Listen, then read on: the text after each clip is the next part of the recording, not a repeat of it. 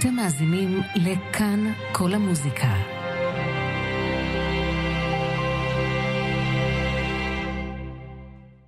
ערב טוב לכם, מאזיני כאן כל המוזיקה. אנחנו במגזין השבועי שלנו עד השעה 10, בצוות יוליה צודקס ויוג'י גבאי, ואנחנו מתחילים. ערב ג'אז מיוחד עם תומאס קווסטהוף, זמר הבריטון האגדי, שיתקיים מחר בהיכל התרבות בתל אביב.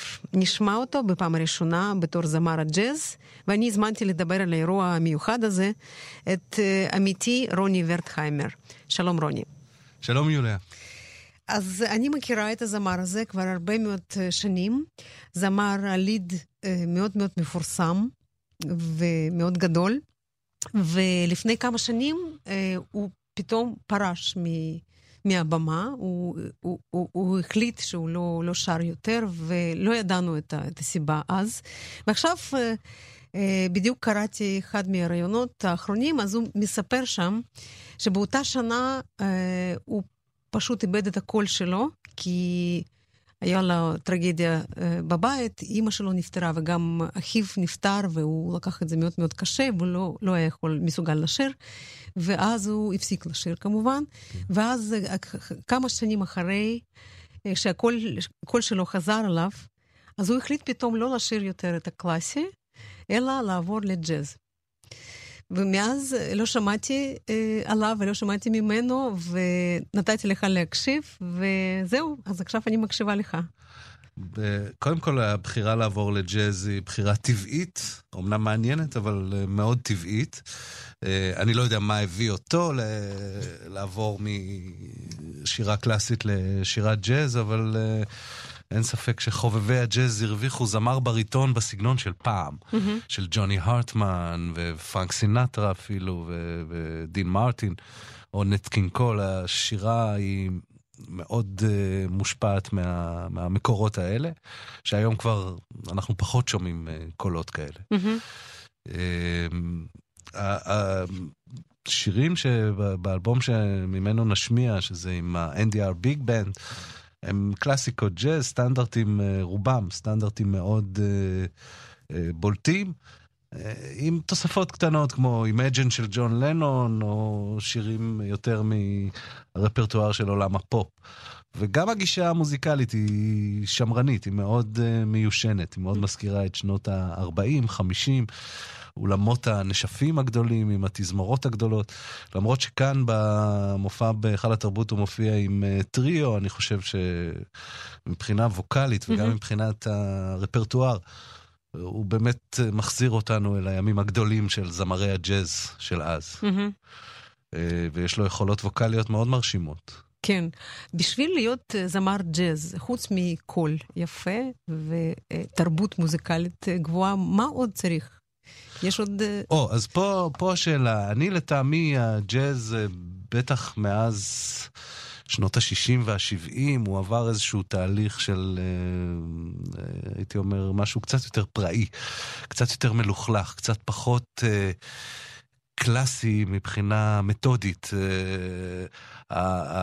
המוזיקה היא הרבה יותר מאולתרת כמובן, הרבה יותר חופשית, ומה שאני שומע פה הוא קצת שוב מחזיר אותנו לא, לאולמות הג'אז של פעם ולתזמורות הגדולות, שהכל כתוב, הכל mm-hmm. מאוד מדויק. אה, עשוי בצורה פנטסטית, גם העיבודים וגם הביצועים. הם, הם יוצאים מן הכלל, אבל כמו, אהמ, כמו, כמו מוזיקה קלאסית, כמו כן. by the book, מה שנקרא. אהה, הבנתי. והגוון של הקול שלו זה משהו די נדיר בג'אז, נכון? בג'אז של היום בטוח, אהה. כי היום הג'אז אה, הולך לכיוונים אה, שיותר מושפעים מהיפ-הופ ומ spoken word מאשר משירה קלאסית. אבל שוב, אם אנחנו מדברים על, ה- על הג'אז ועל הסטנדרטים ש- שאותם אה, תומאס קוואסטהוף אה, שר, אז uh, יש פה את הגישה ה... mm-hmm. של פעם, מה שנקרא אולד סקול. כן. Uh, ואני חושב שמבחינה זאת הוא נותן מופע ש... אוהבי הג'אז של פעם באמת uh, התחברו אליו מאוד, mm-hmm. משהו מאוד רומנטי, מאוד uh, לירי, uh, ויפה, באמת יפה, אולי נשמע משהו. כן, נשמע. מה נשמע? נשמע את הביצוע שלו למונגלו, אני חושב שהוא גם אה, נותן פה ביטוי ליכולות הווקאליות המיוחדות שלו ולצבע שמאוד מאפיין אותו. כן, וה, והקונצרט נשמע מיד, והקונצרט כאמור אה, מחר, ביום שישי, בהיכל התרבות בשעה שמונה בערב. רוני ורטהיימר, מאוד מודה לך. תודה. תודה, יוליה. להתראות.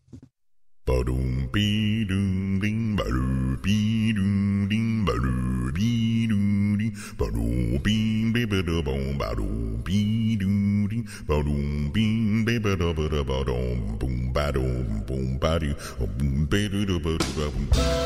It must have been moonglow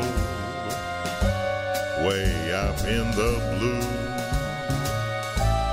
It must have been moonglow that led me straight to. I still hear you saying, Dear one, hold me fast. And I started praying, Oh Lord, please let this last. We seem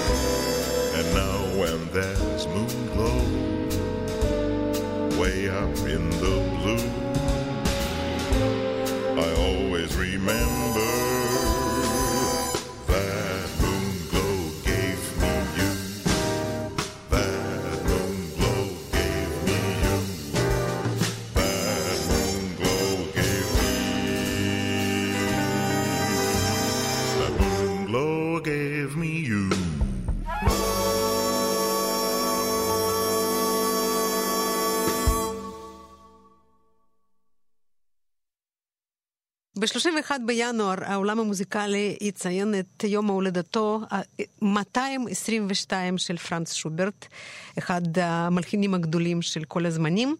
ואנחנו מדברים היום על השוברטיאדה הישראלית ה-13. ואיתנו רס כהן, דוקטור רס כהן, המנהל האומנותי של השוברטיאדה הישראלית והצ'לן במקצועו. שלום רס. שלום יוליה. אז אה, ספר לנו על אירועי השוברטיאדה. כן, השוברטיאדה אה, תקיים את הקונצרט הראשון שלה במסע החורף ברחבי הארץ. מסע והחורף השנתי שלנו, שהפך כבר למסורת, ביום שישי הבא, ב-25 בינואר, בקונצרט הפתיחה שלנו, שיתקיים באולם הנהדר שבקיבוץ אילון, בקשת אילון. אה, בהמשך, אה, למחרת, קונצרט בחיפה, אה, ביום ראשון, ב-27 לחודש, קונצרט בבית גבריאל, אחר כך שני קונצרטים, יום אחר יום, ב-28 ו-29 בינואר, במשכן, במשכן למוזיקה ואומנויות ברעננה. הקונצרט המרכזי בתל אביב אה, אכן חל ביום הולדתו של שוברט ב-31 לחודש, ויש לנו מזל. אה, ככה בצירוף המקרים הזה, בקונסרבטוריון הישראלי למוזיקה, בשעה שמונה. אה, למחרת, ב-1 בפברואר, יהיה לנו את העונג והגאווה לארח את אה, מישה מייסקי, כן. בתו ובנו, בקונצרט קאמרי מיוחד שיוקדש ליצירות שוברט, בהיכל התרבות ראשון לציון, במסגרת הסדרה הקאמרית של התזמורת הסימפונית ראשון לציון, בה אני מנגן.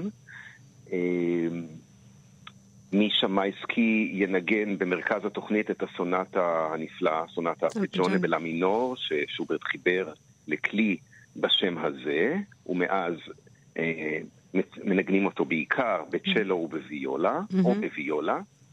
אה, הקונצרט האחרון שלנו יהיה בשלושה בפברואר, בשעה שמונה, באוניברסיטה, באולם הנהדר שיש כן. באוניברסיטה המורמונית על הר הצופים.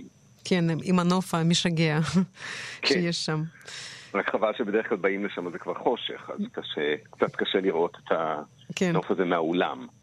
אה, אנחנו השנה, אה, כפי שציינת, אה, 222 שנים להולדתו של שוברט, ובמרכז החגיגות שלנו הפעם חמישיית דג השמך, שזמן חיבורה 1819, ואנחנו מציינים 200 שנה ל...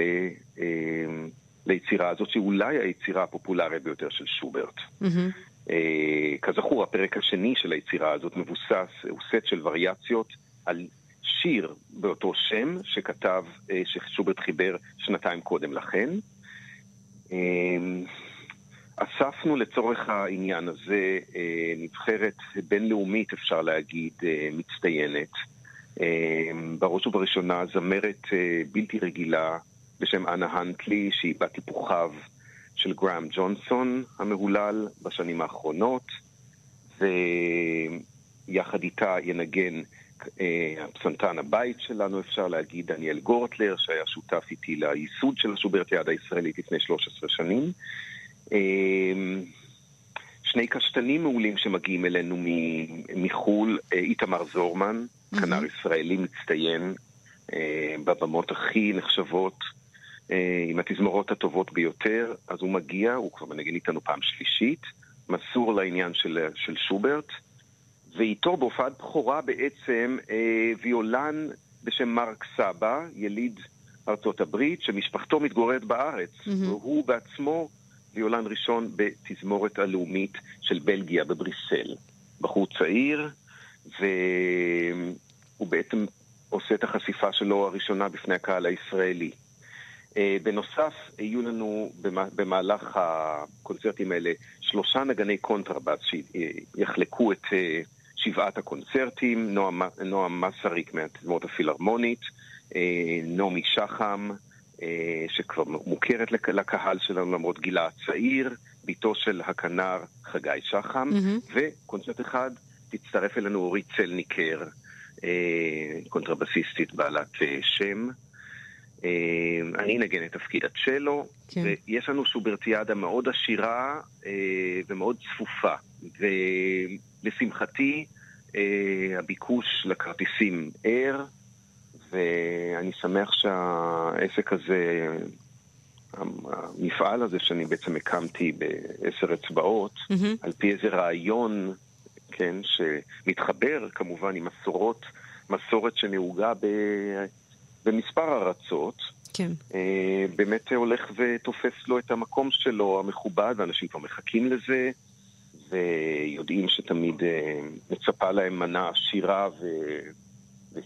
ויפה בקונצרטים האלה. כן. החיבור של, באמת, של מוזיקה אינסטרומנטלית ומוזיקה ווקאלית, מהמם. הוא בעצם זה שעושה כנראה את העניין. כי, כי בעצם אי אפשר לדבר על המוזיקה של שוברט בכלל, בלי להזכיר את השירים. כן. השירים הם בראש ובראשונה, וכאן יש לנו בצורה מזוקקת דוגמה מאוד ברורה לחיבור ששוברט בעצמו עשה. מהמם. לוקח שיר שהוא כתב אותו ב-1817, ומשתמש בחומר הזה כ- כבסיס כן. לפרק השני של החמישייה. זאת כמובן פרקטיקה מאוד מקובלת אצל מלחינים בכל הדורות, אה, לוקחת חומרים שלהם או לא שלהם, ולעשות להם אה, עיבודים. בהקשר הזה אני רוצה להזכיר את השוברטיאדה האחרונה שהייתה לנו לפני שנה, שבעצם כולה התרכזה בעיבודים אה, אה, ליצירות של שוברט, או יצירות שחוברו בהשראת מוזיקה של שוברט. אה, וזה היה באמת אה, אה, מופע, איך להגיד, חסר תקדים. כן. אה, תוכנית באמת חסרת תקדים, שאני מקווה שאנחנו עוד נוכל אה, חלקים ממנה ל- לשחזר. לבצע כן. ולשחזר ולהקליט. והפעם אנחנו חוזרים שוב ל- ליצירות של שוברט עצמו, ו... ואולי ליצירה המפורסמת ביותר שלו, כפי שאמרתי, אה, שחוגגים לה 200 שנה. תגיד, רז, אתם, אתם רואים איזושהי רתיעה של הקהל מהשירים, מהמוזיקה הווקאלית? אה, שאלה טובה, יוליה, וטוב שאת מציפה את, הנושא הזה. כן, אה, אני רוצה להתייחס לזה. אה, רתיעה זו אולי מילה קצת, קצת חזקה מדי בהקשר הזה, אבל בהחלט יש, יש פחות היענות. אין ספק שהז'אנר של הלי- הליד, או השיר האומנותי, בעיקר הגרמני, אבל גם הצרפתי, הוא בהחלט חשוב להזכיר אותו פה. אה, זאת, אה, זה ז'אנר או אומנות שהיא פחות נגישה. אה, בגלל שהיא גם מערבת טקסט וערכים תרבותיים וספרותיים. ואני חושב שללא הבנת הטקסט, כן. זה מאוד קשה. זאת אומרת, זה חלק מה... זה, זה בהחלט חלק חשוב ביותר, כמו המוזיקה, מהחוויה שיו- שיוצר המפגן האומנותי הזה, היצירה האומנותית הזאת.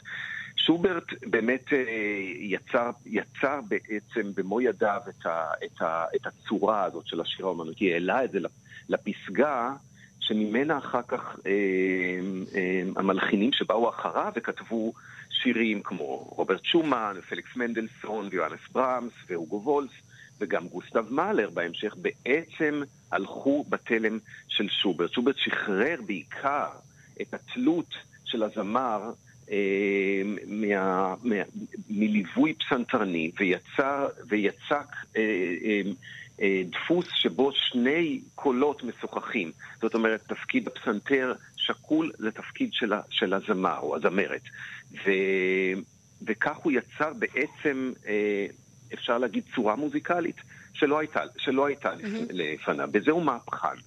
וזהו באמת אה, ממציא גדול. אה, פה בישראל באמת, תשמעי, זה גם העניין של השפה. הרבה שנים הגרמנית בכלל, כן. הזכרת את המילה רתיעה, אני אגיד אפילו מילה יותר גרועה, כן? אולי חרם מהמם. על השפה הגרמנית, אבל זה- הימים האלה כבר עברו די מזמן בעצם, וזה קשה כבר להתייחס לגרמנית כאל שפה שהיא מוקצה פה. מהמם. אולי יש אנשים שכן.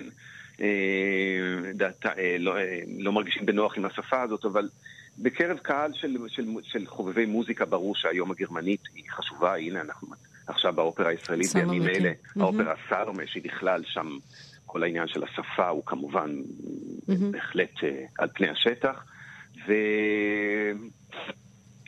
קשה גם אה, לזמרים ישראלים, אני, אני אומר שאני אני רואה במהלך השנים האלה שאנחנו עושים את השוברטיאדה, יש יותר ויותר זמרים ישראלים שאפשר לסמוך עליהם בדבר הזה.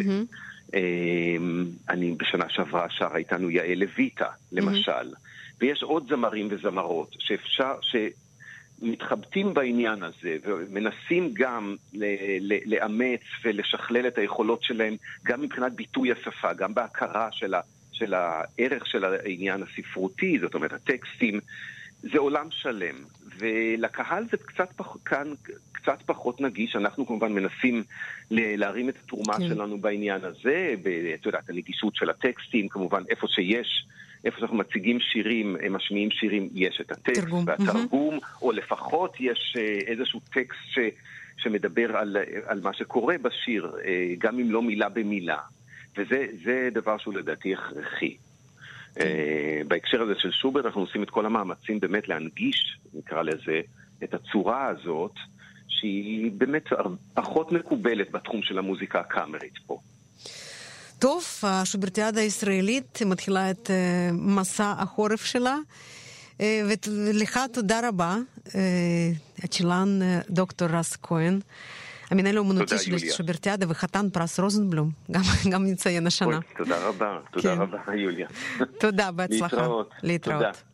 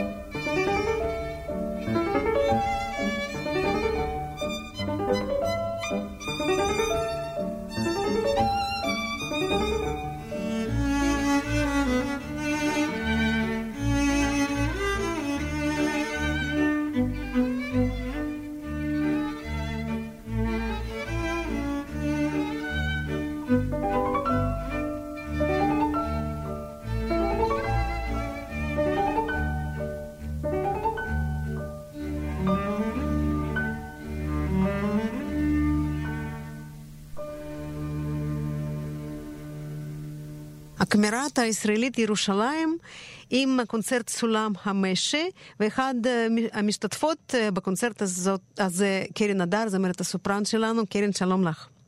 בוקר טוב. אתם אה, שם צוות בינלאומי, עם לוקאס ריצ'מן ומרק בבינגטון. נכון, יש uh, תוכנית כל כך uh, מגוונת, uh, גם מבחינת המשתתפים וגם מבחינת הרפרטואר. זאת אומרת, נתחיל מזה שיש לנו גם את רוסיני ה- אה, אה, אה, הליצני וגם את היידן הרציני, ויש את בריו המודרני ומנדלסון הקלאסי, וגם פסנתרן אה, אה, אה, מוביל סולן מרק אה, בבינגטון מבריטניה, וגם המנצח עצמו, שהוא אה, זכה אה, בגרמי. אה, על, אה, על דיסק crossover שהוא יצר, אה, לוקאס ריצ'מן מארצות הברית. כן. אה, ואני, שאני מגדירה את עצמי כזמרת סופרן אה, רב-תחומית, אז בעצם יצא לנו באמת אה, קונצרט crossover רב-תחומי מאוד יפה, אני חושבת שהוא, שהוא יהיה נהדר. כן, ובעצם מה שאת מבצעת בקונצרט הזה, זה, זה מאוד שונה גם מה, מהיצירות המגוונות האחרות, נכון? כן, זה מחזור שירים שיצרו ביחד לוציאנו בריו ואשתו דאז קטי ברבריאן. אה, גם היא, בעצם היא הגיבורה שלי, היא זמרת ה crossover המקורית הראשונה. מהמם. אה, ומורכב מ-11 שירי עם אה, מכל מיני ארצות, בעיקר באירופה. אה, כל אחד מהם בסגנון שונה, גם קולית, גם אה, אה, מבחינת הנושא, חלק אה, שובב, חלק עצוב מאוד, חלק אה, סאטירי, חלק אה, אה, אה, תמים ומאוהב.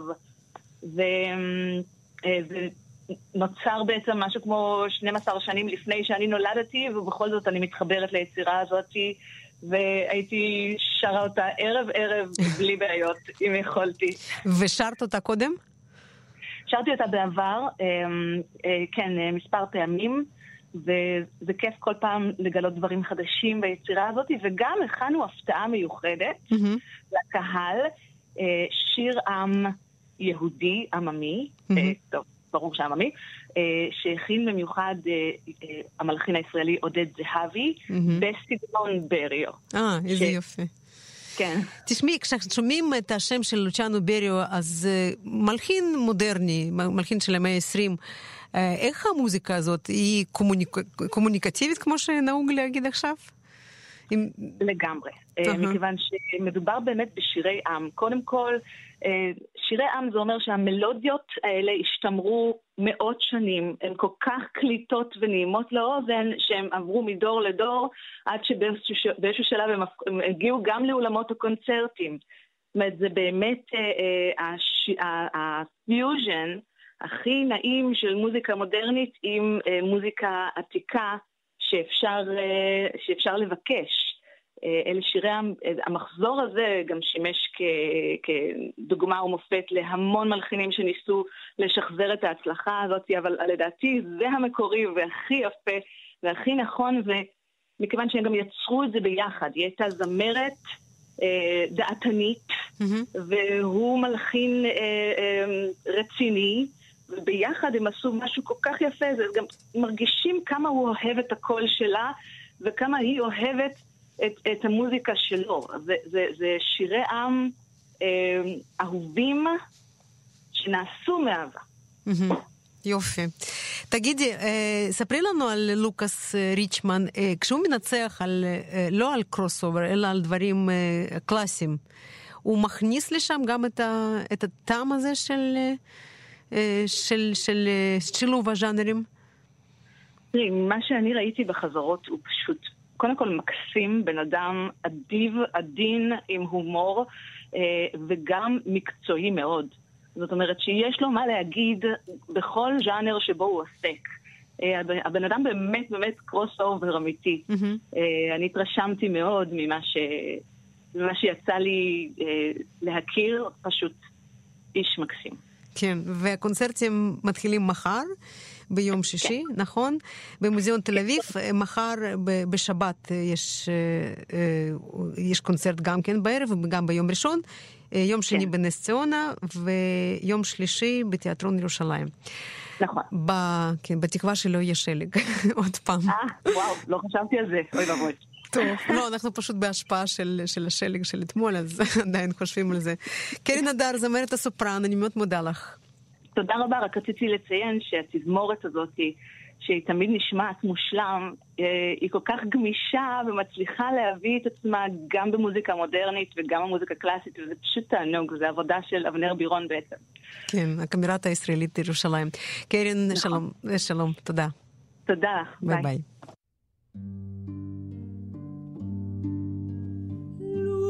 si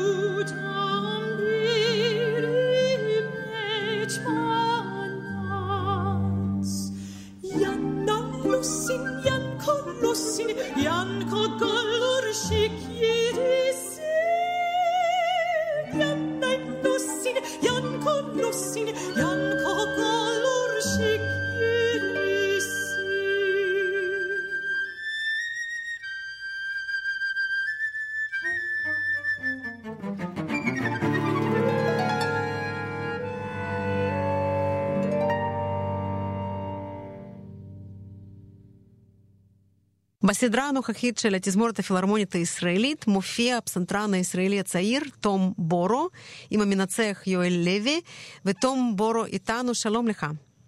שלום. איך אתה מרגיש להופיע, להופיע עם התזמורת? אמ, האמת שזה מאוד מאוד מרגש. זה ככה, הכל היה גם בהתראה מאוד קצרה, והדליקו אותי ככה ברגע האחרון.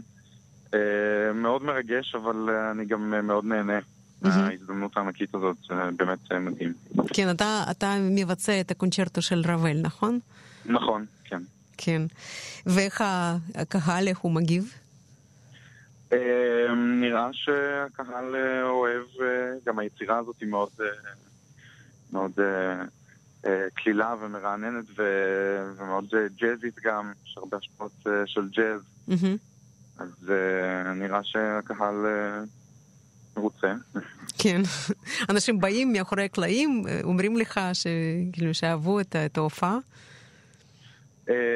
כן, כן. תגיד, אתה בן 18, נכון? כן. אז ספר קצת על עצמך. בגיל 18 לנגן עם התזמורת הפילהרמונית הישראלית זה הישג גדול. מה עשית עד עכשיו? אז האמת שאני, טוב, כרגע אני בעצם אה, סטודנט ב- באקדמיה למוזיקה, שם בוכמן מתה, אני לומד אצל אה, פרופסור תומר לב.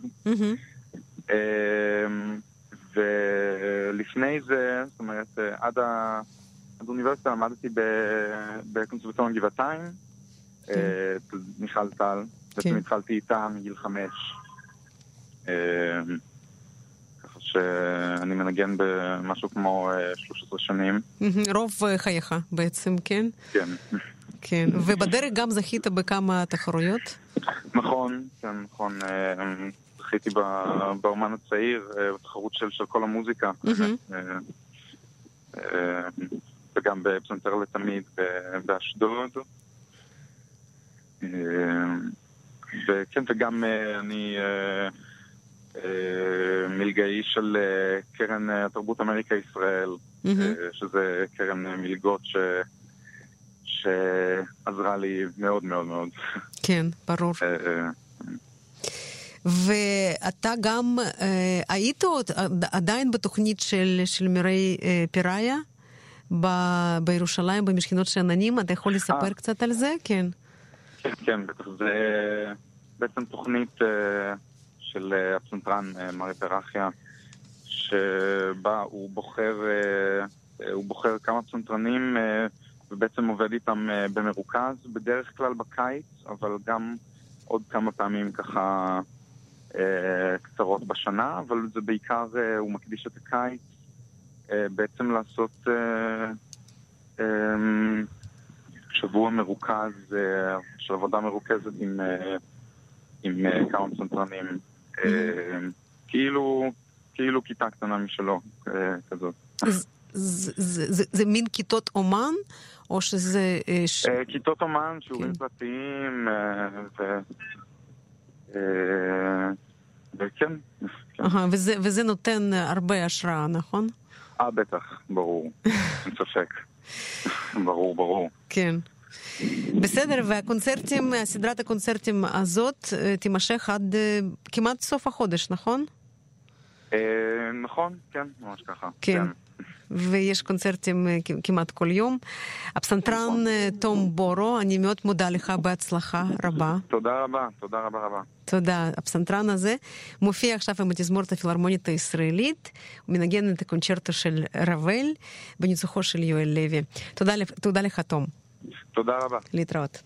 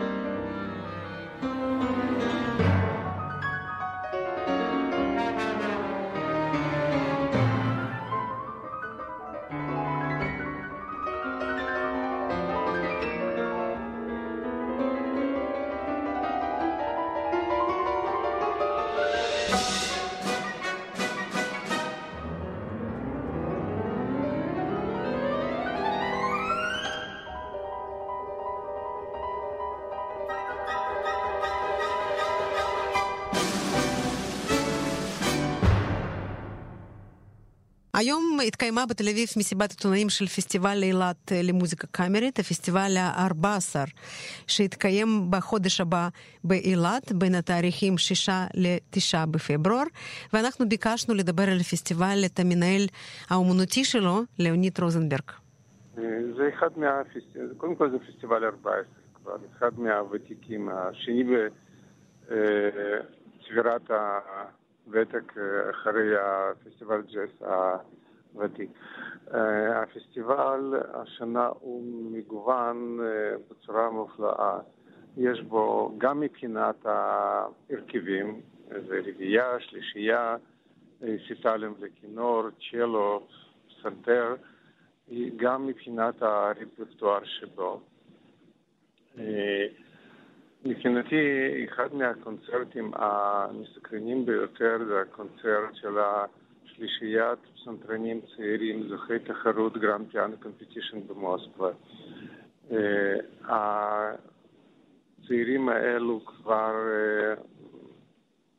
אה, מוזיקאים בוגרים ומאוד מאוד איכותיים. לדוגמה, אחד מהם, אווה גבורגיאן, היא כבר הספיקה לזכות בכ-40 תחרויות בינלאומיות, ביניהם גם חלקם כמלחינה. הנגינה שלה מתאפיינת בבגרות מוזיקלית שהיא גם מדברת על ה... כי כמלחינה היא יודעת איך בונים את החומרים.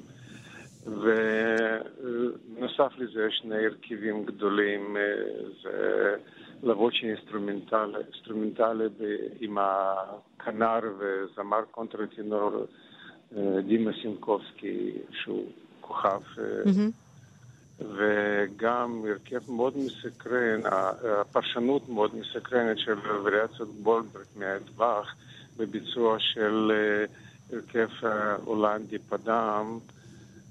למקילה וכלים ברוקים, וגם בשיתוף שחקן דובר גליקמן בתפקיד של באך. וואו. ובנוסף לזה יש לנו גם את הקונצרטים ליליים, שהם מביאים גם פן אחר של מוזיקה קאמרית, אבל זו מוזיקה קלה יותר. וכאן יש לנו את הקובי ישראלי, את הישראלי שחי שנים רבות בלונדון, הוא ביחד עם הזמרת בריטית הניק הביאו לנו שירים מהאלבום המשותף האחרון שלהם. ובסך הכל זה פסטיבל, כמו שאמרתי, הוא מאוד מאוזן. מאוד איכותי בכל אחד ואחד מהקונצרטים שלו. כן, ואנחנו עוד נדבר על הפסטיבל הזה בהרחבה. היום, כאמור, הייתה מסיבת עיתונאים ששם נחשפה התוכנית של הפסטיבל, ואני מאוד מודה לך, המנהל האומנותי של הפסטיבל, ליאוניד רוזנברג, תודה, תודה רבה לך, ונדבר בהמשך. תודה. תודה. וכאן אנחנו מסיימים את המגזין שלנו לשבוע הזה. באולפן היו יוליה צודקס ויוג'י גבאי. תודה שהאזנתם לנו, ערב טוב. נשתמע בשבוע הבא.